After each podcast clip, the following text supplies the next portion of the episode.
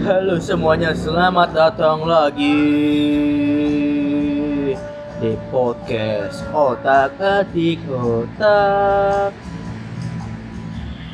Mantap, mantap. Kamu bisa gak sih kalau ngomong itu yang biasa aja, nggak usah pakai intonasi yang aneh-aneh kayak gitu gitu. Itu kayak hiperbola banget. Gak apa-apa lah, biar beda-beda yang biar eh, nggak sama terus, nggak template gitu loh. Eh, apa namanya? Improv improv. Ya justru kalau itu ya harus konsisten dong, harus sama. Enggak lah, beda harus beda. Kan yang udah sama banyak. Aku yang beda aja setiap hari. Eh, Setiap setiap upload. setiap hari. Halo, apa kabar semuanya? Iya. Kita sudah mulai tidak konsisten. Ya bagi bagi pendengar baru kayaknya nggak ada. Kayaknya gak ada, iya. Iya, bagi pendengar ya nggak apa-apa kita kasih tahu aja kalau kita adalah podcast otak atik otak itu adalah podcast di mana kita mengotak-ngatik sesuatu yang ada di dalam otak. Segala sesuatu. Iya. Makanya namanya otak atik otak gitu loh. Kali ini kita nge-record di cafe mana? Iu. Q Cafe Resto. Coffee and Resto bukan cafe ya. Coffee and Resto. Oh iya. Search aja di Google itu alamatnya di mana ya. Iya. Ini kita nggak di endorse kita kalau setiap datang ke suatu kafe atau tempat kopi apa tempat kopi gitu kita selalu bilang sih kita lagi di mana gitu. Karena kalau buat kita itu nyaman sih nggak apa-apa lah. gitu. Kita nggak di endorse. Iya, kita bikinnya kalau nggak di rumah ya di di depan rumah maksudnya di- kalau nggak di depan rumah ya di kafe-kafe kayak gini. Ya, Karena emang- kita keterbatasan segala sesu- semuanya sih. Iya. Kita nggak punya studio, Terus ya kita nggak punya tempat yang sunyi, proper lah gitu. yang sunyi gitu buat record ya. Udah nggak apa-apa. Tapi konsekuensinya ya gini, ada lagu, ada suara orang ngomong gitu-gitu sih. Ya kan ini kan cuma buat iseng-iseng doang ya. Iya. Ya karena kita ini berdua ini orangnya yang mungkin bisa dibilang eh gimana ya? Kalau di dalam suatu kelompok itu jarang yang memberikan pendapat, jarang mengelak. Hmm, Tapi kalau di belakang itu berani ngomong gitu. hmm, betul. Tapi kalau untuk secara di depan gitu tampil tuh kita tuh takut. Makanya kita tuh mencoba untuk berani ngomong itu ya kayak gini. Iya, apalagi aku sih. Aku Gitu. kalau ada di perkumpulan diem biasanya. Karena tapi ini sebenarnya ngomong di dalam ot- di dalam otak doang tapi di dalam hati gitu Iya. perasaan gitu kayak ya makanya ini adalah salah satu media buat kita biar eh, lancar ngomong di depan banyak orang terus bisa menata bahasa dengan baik dan benar gitu karena ya mungkin ini juga ada yang dengerin juga yang nggak kenal kita gitu atau yang Iya. kenal kita gitu. Kalau yang udah kenal kita mungkin kayak kok dia bisa ya ngomong gitu tapi kalau yang nggak kenal kita tapi eh, apa maksudnya? Yang nggak kenal kita itu kok pemilihan katanya gini ya? Gitu. Ya kita kan apa adanya aja ya ngomongnya. Iya. Ya berlibat sedikit lah atau katanya nggak nggak rapi nggak apa ya. Karena kita memberani apa untuk memacu diri kita tuh biar berani gitu loh eh, ngomong di depan ngomong kayak gini. Iya pokoknya banyak ngomong gini lah. Ya jadi salah satu keuntungannya adalah kalau kalian nggak mau dengerin kita ngomong ada lagunya. Lagu dari kafenya kalian dengerin lagunya aja nggak usah dengerin kami ngomong. Kebetulan kita di depan speakernya langsung nih iya dan di sini kalau kalian yang suka lagu-lagu atau musik-musik indie di sini muterinnya musik-musik indie dari tadi. Lumayan sih Nih, kali ini sebenarnya sih tadi karena kita habis kondangan ya iya. sempat kepikiran kayak buat materi gitu loh. Apa tuh? Eh, kenapa kebanyakan ya? Aku nggak tahu sih nggak tahu kebanyakan atau emang emang populasinya sama gitu. Maksudnya yang udah lulus sekolah gitu pacarannya sama yang eh, satu sekolahan gitu loh ya terutama yang udah di bangku sekolah menengah atas gitu loh iya kenapa tapi ada yang? SMP juga kakakku SMP teman iya. SMP. Iya pokoknya dari teman sekolah lah intinya. Iya. Kenapa? Kalau menurut aku nih ya, Nah, kalau menurut aku, kalau aku nih, hmm. aku tuh punya kayak di sekolah kita nggak nggak berani nunjukin diri, tapi pas sudah lulus karena ah nanti nggak ketemu lagi, jadi berani kenalan, baru baru berani kenalan pas sudah lulus gitu loh. Jadi kamu ngerti nggak? Jadi aku aku tuh kayaknya eh dari dulu gitu sih aku eh, pas SMP nih aku punya target gitu kayak wah dia cakep nih tapi aku nggak pas masih di sekolah itu aku nggak berani Hmm. tapi tapi pas sudah lulus ah coba aja nggak apa-apa. Orang nggak ketemu lagi. Kalau nggak di gubris juga nggak apa-apa lah. Orang nggak bakal ketemu lagi santai aja. Tapi justru kalau karena tahu-tahu kita satu sekolah eh kita pernah satu sekolah jadi ada pembicaraan gitu loh. Jadilah ya gitu jadi deket jadi nyambung gitu loh. Tapi ya emang gitu sih ya jodoh itu kebanyakan ya karena entah ketemunya di sekolah atau memang dia kakak kelas atau dia di kelas. Tapi sih kayak kebanyakan sih gitu ya. Selama ini yang aku temui ceritanya gitu tuh ya itu. Mhm. Ya mungkin yang ketemu di luar juga banyak sih, tapi yang aku banyak dengar sih gitu. Beruntung juga berarti ya. Kalau ketemu di sekolah gitu kan. Iya, ada juga yang udah kenalan di sekolah, tapi kalau aku tipe-tipe yang udah lulus baru. Baru kenal. Iya, apalagi apalagi pas tahu kalau pas sudah lulus nih. Inceran kita nih ini jomblo juga. Wah, itu makin inilah makin wah dia belum punya pacar nih. Cobalah. gitu loh. Oke, oke, oke. Gitu sih. Pasti itu itu terapin terapin bagi kalian yang dengar ini terapin. Itu cukup cukup efektif sih. Tapi jangan jangan apa namanya? Jangan nggak jadi apa? deh nggak jadi. Bentar ke-trigger sama lagunya nih enak nih.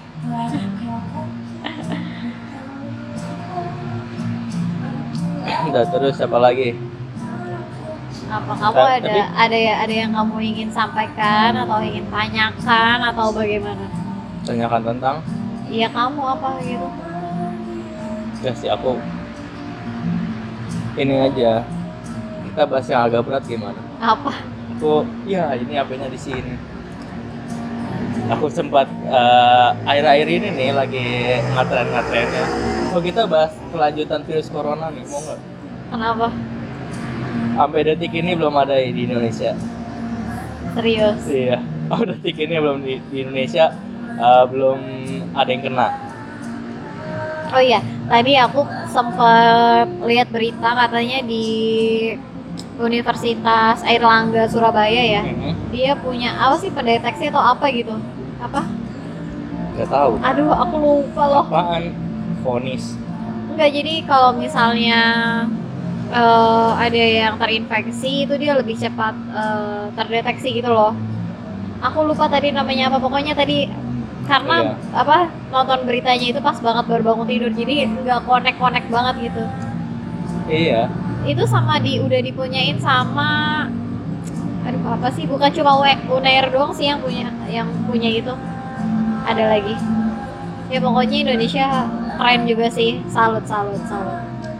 Ini tapi menurut aku eh, di Indonesia ini udah ter- terlanjur banyak berita-berita hoax ya. Dan kayaknya terlalu panik juga sih. Menurut aku terlalu dibesar-besarkan berita corona ini. Terlalu menggemparkan banget gitu Iya. ya kayaknya ya. Terlalu iya sih. Padahal nggak masuk Indonesia loh. Belum. belum belum masuk belum masuk Indonesia maksudnya. Katanya ada orang Indonesia tapi di Singap di Singapura. Terkenanya. Iya tekanannya di Singapura. Katanya ada orang Indonesia tapi dia di Singapura. Gitu. Jadi di Indonesia belum tuh. Oh iya sama imbasnya jadinya karena aku kerjanya di klinik nih ya Ah, masker itu sekarang dibatasin. Karena ketersediaan masker itu sedikit dan harganya mahal. Nah, nah, itu, dia. biasanya banyak oknum yang eh, memanfaatkan situasi kayak gini nih. Nah itu dia tuh. Banyak banget tuh. Parah banget sih. Padahal aku kerjanya bukan di klinik yang ya aku kerja di klinik kecantikan tapi maksudnya itu emang butuh kan masker tapi sekarang jadinya dibatasin. Iya. Karena harga masker lagi mahal banget mahal banget. Gitu. ya itu menurut aku eh, satu keterkaitan gitu loh sama hoax-hoax yang disebarkan. Ini kayaknya satu oknum juga untuk Hmm.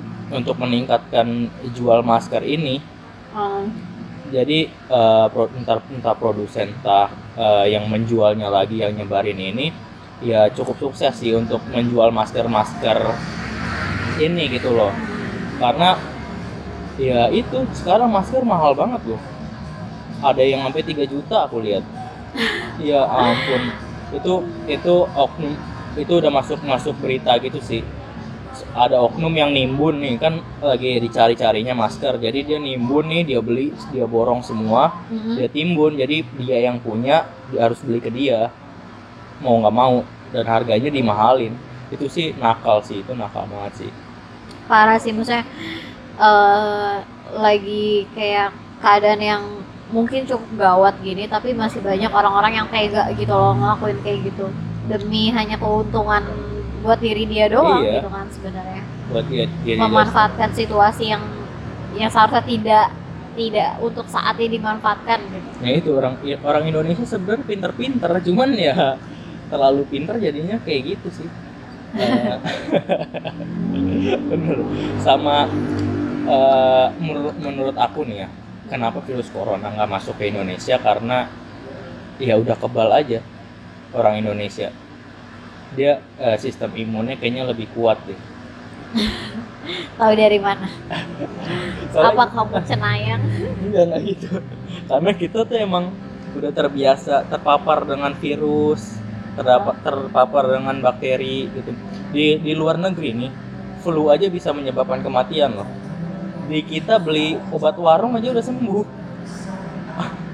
Iya karena kan kita sistemnya, eh bukan sistem sih, memang negaranya nih negara tropis ya, jadi Ya. suhu kelembapannya itu tinggi banget. Jadi emang banyak virus, bakteri yang yang maksudnya banyak gitu di sekeliling kita gitu. Sebenarnya kalau aku sih pernah ngobrol gitu sama dokter kalau misalnya eh, mungkin kalau kalau manusia-manusia ini nggak tahu salah atau benar karena aku ngobrolannya ini tuh udah lama kalau misalnya manusia-manusia yang ada di Indonesia ini gitu terutama Jakarta ini di tes eh, apa sih namanya fungsi hatinya itu pasti banyak yang terkena hepatitis A Ah, karena makanan kita yang di pinggir jalan Nah, kena dia. debu kebersihan Nah, kurang terjaga kayak gitu-gitu buktinya kita sehat-sehat aja iya, maksud, maksud aku tuh gitu. Kita kayaknya sistem imu- imunnya tuh lebih kuat gitu loh. Karena kita udah terbiasa dari SD jajan jajan-jajanan yang kotor gitu kayak minyak minyaknya udah udah hitam kita tetap makan enak gitu loh. Terus Eh. minuman-minuman yang pakai wantek ya. kan iya terus ini apa namanya es batu dari air kali. Iya iya. Itu ya paling bakteri semua iya isinya paling sakit-sakitnya ya sakit perut. Iya sakit perut doang sih. Iya, udah. kita ini juga kalau ada makanan jatuh belum lima menit ya kan? Iya. itu kan bakteri itu tuh semua kayaknya aku baca tuh di Instagram tuh. Ya kan kita sistem imunnya kita kayak kayak udah kebal aja gitu. Loh Iya, karena iya kayak misalnya kerang yang banyak eh, kandungan apa sih timbalnya iya. eh, kayak gitu-gitu aja kita tuh doyan gitu kita makan gitu. Iya pak. Paling parah ya itu. Eh, sakit perut paling. Diare. Ya gitu gitulah kayaknya. Eh, lebih soalnya virus-virus kayak gini ini tuh virusnya tuh kayak flu gitu kan. Dia eh, sistem pernapasan gitu kan? Iya tapi kalau ini kayak membuat apa sih? Sesak nafas terus Mhm. ya gitu. Loh aku juga kurang paham sih. Iya dan cara menjelaskannya bingung ya. Pasti kalian udah banyak denger lah di berita-berita gitu lah ya. Iya virus-virus yang sejenisnya sebenarnya udah udah banyak kan? Iya.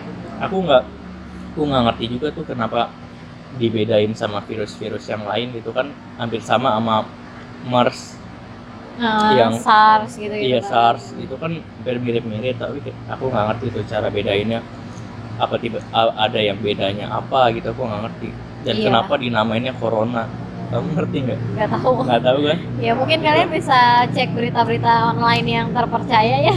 Iya, aku- itu aku, aku malah fokusnya malah ke situ loh. Kenapa ini dinamain corona?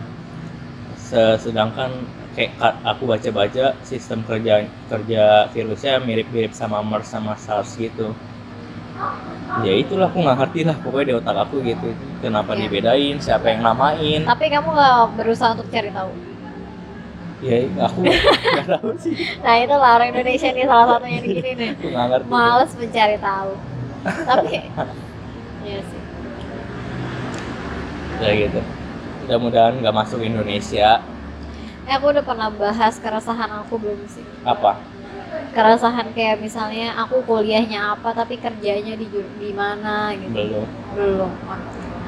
Jadi eh, aku lulusan eh, akademi kebidanan gitu. Terus eh, untuk untuk maksudnya yang udah lulus bidan gitu kalau emang sanggup untuk bertahan kerja di bidan praktek mandiri salut sih aku.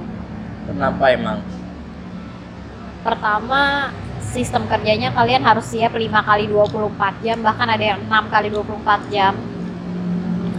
Terus ya kalau kalian kalau gitu nggak usah ngarepin salary tinggi kalian intinya pengabdian dan ikhlas itu aku udah pernah rasain.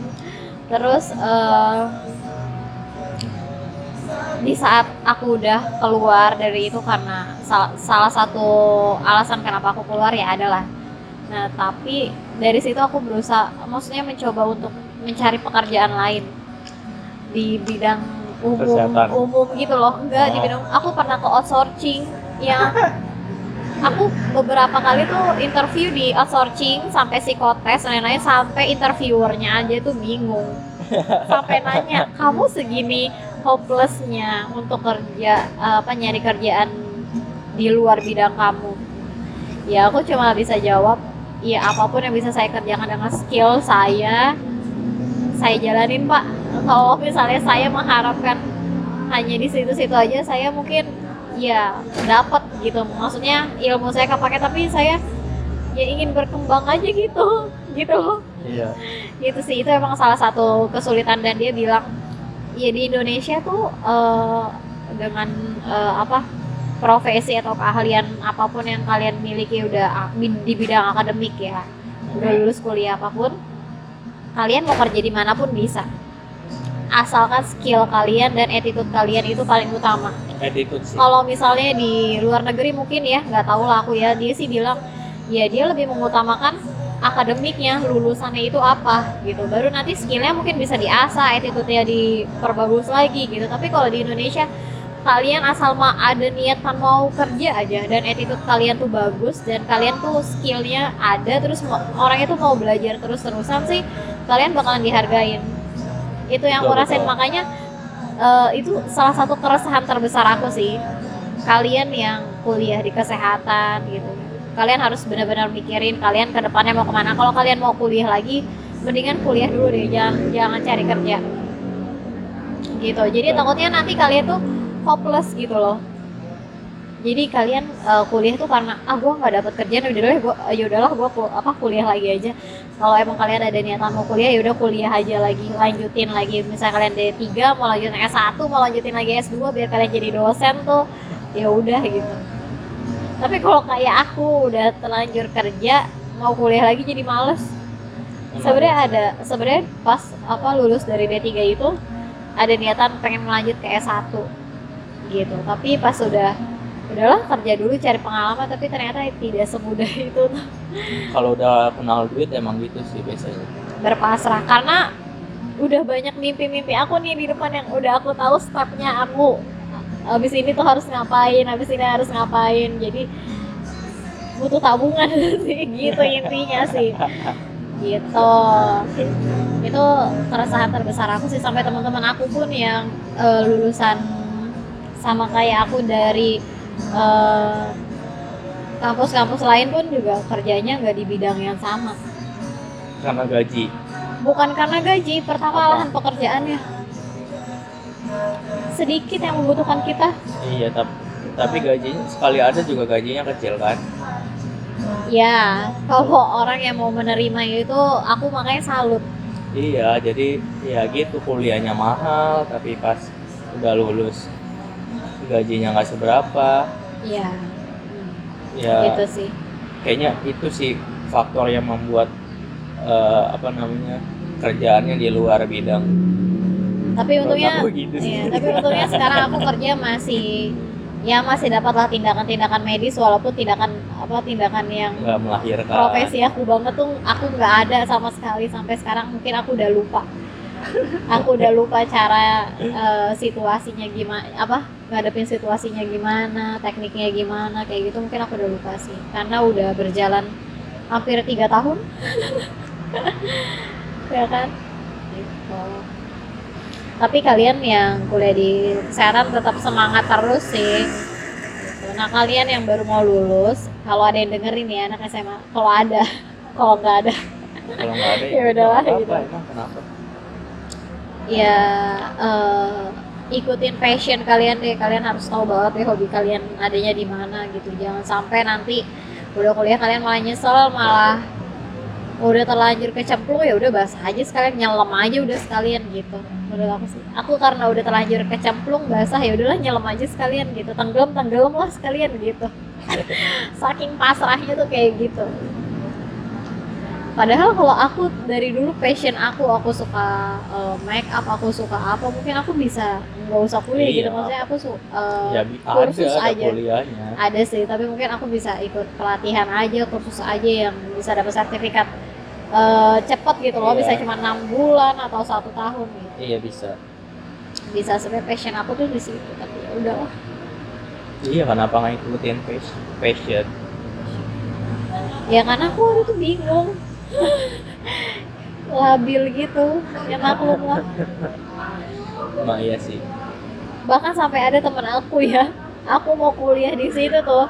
Aku ajakin dia mau. Itu bukan dari kemauannya dia kan aku kuliah di situ jadi dia ikut ikutan ikut doang teman ya?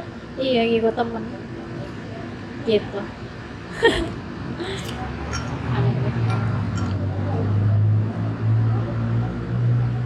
Kalau aku sih ya aku suka di bidang aku sendiri aku suka.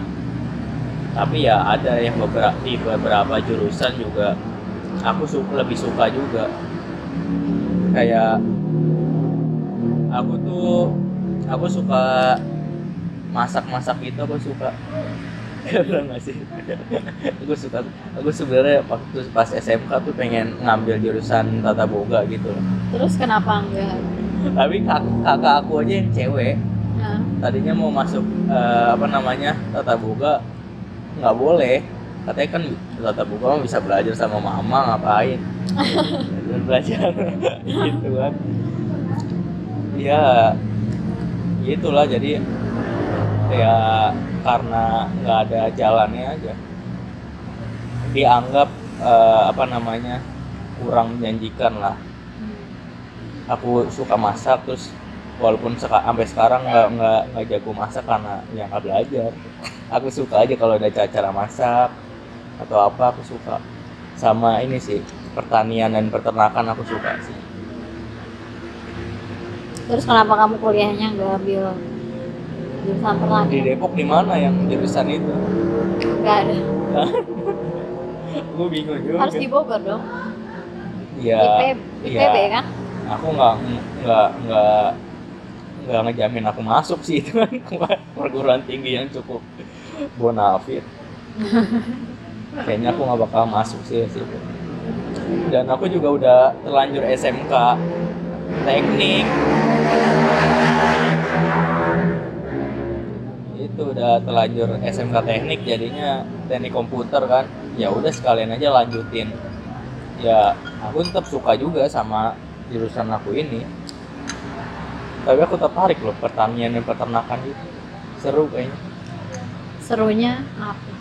Ya kayak yang pernah aku bilang aku pengen punya tumbuh-tumbuhan sendiri. Jadi kalau mau pengen apa tinggal metik gitu. Itu enak banget. Kayak gitu sama apa-apa kita punya punya sendiri. Kayak misalnya ikan lele. Kita tinggal ngambil kalau mau masak ikan lele wah itu itu kayaknya itu mimpi, mimpi goals aku. Goals aku gitu sih pengen punya kebun dan peternakan sendiri. Oke baik. Nanti kita Iya. bikin ya. Itu keren banget. Nanti kita bikin sayurnya itu semuanya bahan-bahannya untuk eh, apa sih? Apa media tanamannya itu organik iya. Jadi lebih sehat. Itu. Aku senang banget kalau ke lihat-lihat rumah orang ada hidroponik hidroponik itu seperti eh, resto malam ini tuh bagus ya. Iya ini Banyak sekali bagus, tumbuhan. banyak tumbuhan sih. Tapi nggak bisa dimakan tumbuhannya. Aku tuh lebih ke yang bisa dimakan yang tumbuhannya. Kalau tanaman-tanaman hias gitu aku kurang kurang sih buat apaan gitu. Ya untuk mempercantik Iya sih, eh, ada, rumah sih ya.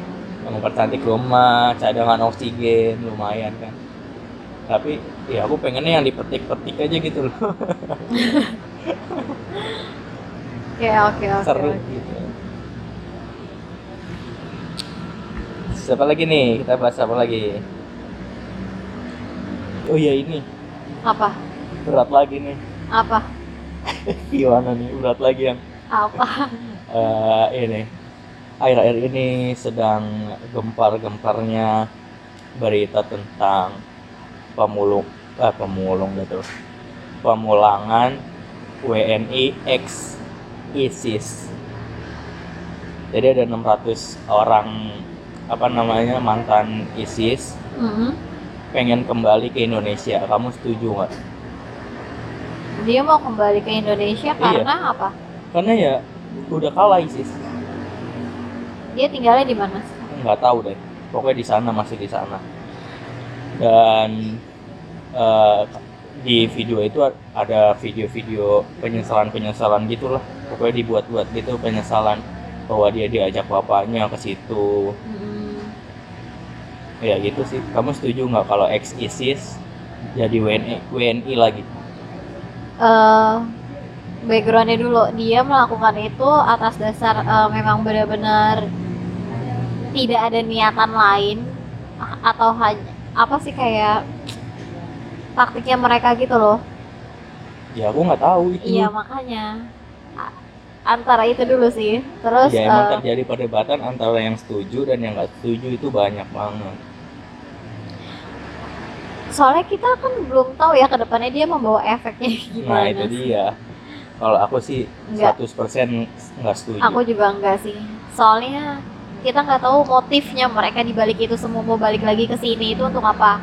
Bukannya suuzon sih ya, tapi maksudnya ya mungkin mereka ada niatan emang udah nggak mau bener-bener di sana lagi, tapi suatu saat itu eh, hidup lagi, si Hmm. ISISnya ada lagi, mereka mau kemba mereka ada niatan untuk kembali lagi ya itu jadi bumerang juga lah. Iya sih Maksudnya ya akan jadi permasalahan lagi iya menurut aku gitu. udahlah nggak usah ngapain Iya, nggak usah. nggak usah diurusin kayak gituan ya mereka Nah. udah yang gabung ISIS tuh udah udah membakar paspor-paspor asli mereka dari yang dari negara mana pun paspornya udah dibakarin jadi dia udah mentegas keluar dari WNI dan dia mau balik lagi dan didukung dengan video-video yang penyesalan-penyesalan gitu kamu tau nggak?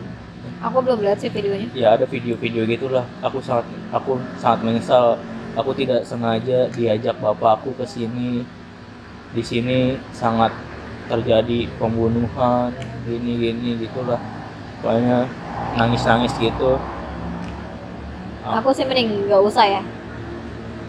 Kalau mau, kalau emang mereka eh, udah keluar dari ISIS itu, ya mereka tetap aja tinggal di sana, tapi mungkin ada eh, apa ya istilahnya? Apa ya? apa Kalau narkoba kan, narkoba kan Rehab. rehab ya. Kalau itu istilahnya apa ya bagus ya? ya nggak tahu Ya pokoknya hmm, udah aja di situ mereka sekarang di pengungsian pengungsian gitu ada 600 orang apa kalau aku nggak salah WNI WN mantan WNI kalau menurut aku sih udah nggak usah diurusin kayak gituan. Eh, untuk apa? Dia tuh ke sana ya untuk dengan tujuan katanya membela Islam. Hmm. tapi dengan cara ya itu brutal sekali pembunuhan dan segala macam. Ya menurut aku sih kalau ke sini sih bisa jadi ya bisa jadi. Ya jadi perkembangan teroris di sini hidup lagi Iya. gitu Iya dampaknya walaupun mungkin mereka udah benar-benar udah keluar kan. iya Ya yang aku bilang tadi itu kalau memang sekarang dia sudah mati, siapa tahu nanti berapa tahun ke depan lagi itu ISIS itu hidup lagi gitu. Mereka bergerak lagi di Iya. eh, ya perkumpulannya mereka gitu. dan bisa jadi nih ya dan bisa jadi ini adalah strategi ISIS Nah ya maksudku tuh itu bahasanya Iya. strateginya. strategi ISIS Ah, sendiri betul. eh, dia memikirkan gitu udahlah kalian eh, kembali ke negara masing-masing hancurkan dari dalam bisa gitu kan itu yang aku takutkan sih itu sih dia mengaku gitu eh, direncanakan seperti itu tobat dulu lalu di negara masing-masing mengembangkan mengembangkan organisasi itu nah itu sih yang yang serem sih Ya. itu banyak pendapat eh, banyak pendapat-pendapat yang gitu ada yang setuju ada yang enggak yang setuju tuh katanya ya udah pulangin aja tapi diawasi Nggak bisa. nggak bisa menurut aku juga Nggak bisa. bisa, Mereka tuh banyak Iya, dan- maksudnya gitu kan. Terus ya pasti mereka udah punya strategi sendiri lah. Iya. Kalau misalnya terjadi permasalahan A, dia udah punya Iya. strateginya kayak gini, kayak gini, kayak gini. Gitu. Iya. Ya kita kan nggak tahu maksudnya pemikiran mereka di balik itu semua kan gimana kan nggak pernah tahu ya. Ya kasihan sih Iya, boleh ada ada gitu ada yang sih. gitu ada yang mengatasnamakan kemanusiaan gitu gitulah Tapi ya mungkin mereka bisa di diperbaiki di sana lah gitu lah maksudnya. Usah Iya, kalau nggak usah nggak sini. usah ke sini Heeh. tapi bisa jadi loh misalnya ini ditolak nih mereka diem diem ke sini bisa nggak sih Ya enggak lah, mereka harus urus paspor dulu. oh iya ya mungkin dia dari nggak mas nggak nyebrangnya nggak lewat pelabuhan tiba-tiba mendarat di mana Atau mereka berenang di bawah iya laut. bisa jadi kan di bukan di pantai-pantai yang sepi gitu kan. Aku ngerinya gitu sih karena nggak karena nggak diizinin mereka nekat. Dengan diam-diam. Entah dengan cara apa pun. Semakin ngeri loh emang dunia Iya. ini. ya aku sih udah lah ngapain sih? Di sini mendingan buat ngurusin eh, yatim piatu gembel-gembel di sini banyak masih mendingan untuk mensejahterakan mereka aja dengan pendidikannya diperbaiki lagi apa namanya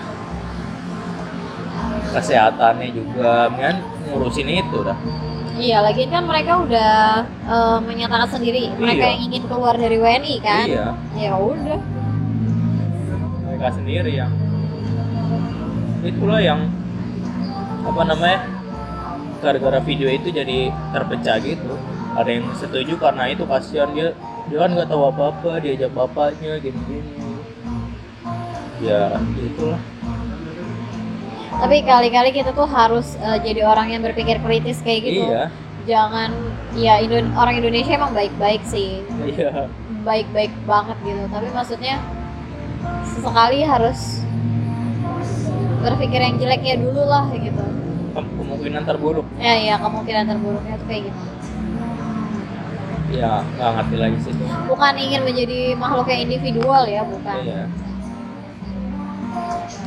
soalnya ngeri sih kalau berkembang di sini jadi teroris teroris lagi ngeri banget sih Soalnya udah berapa tahun belakangan ini udah mulai adem gitu ya. Iya udah mulai adem dari teroris-teroris gitu.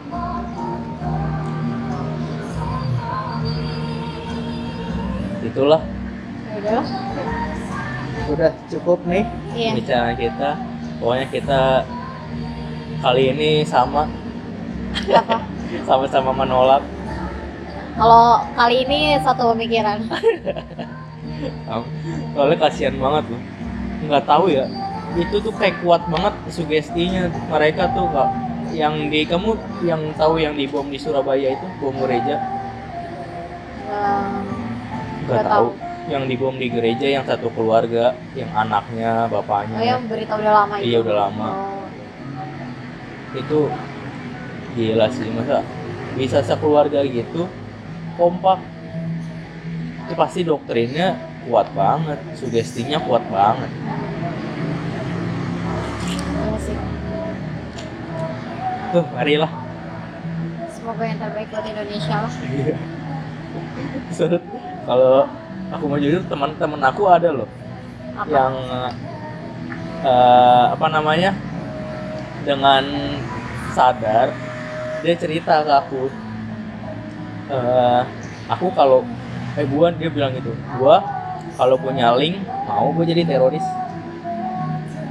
Ada temen aku kayak gitu. Sampai kemarin eh, sempat kontekan juga udah aku tanyain lu nggak jadi gabung teroris gitu. Belum dapat link katanya guys cuma bercanda atau benar nggak tahu lah. Pokoknya gitu. Jadi kalau misalnya dia jadi teroris terus aku diwawancarain kamu gimana sebagai temannya? Ya aku sih nggak kaget. Orang udah dari lama dia bilang kayak gitu.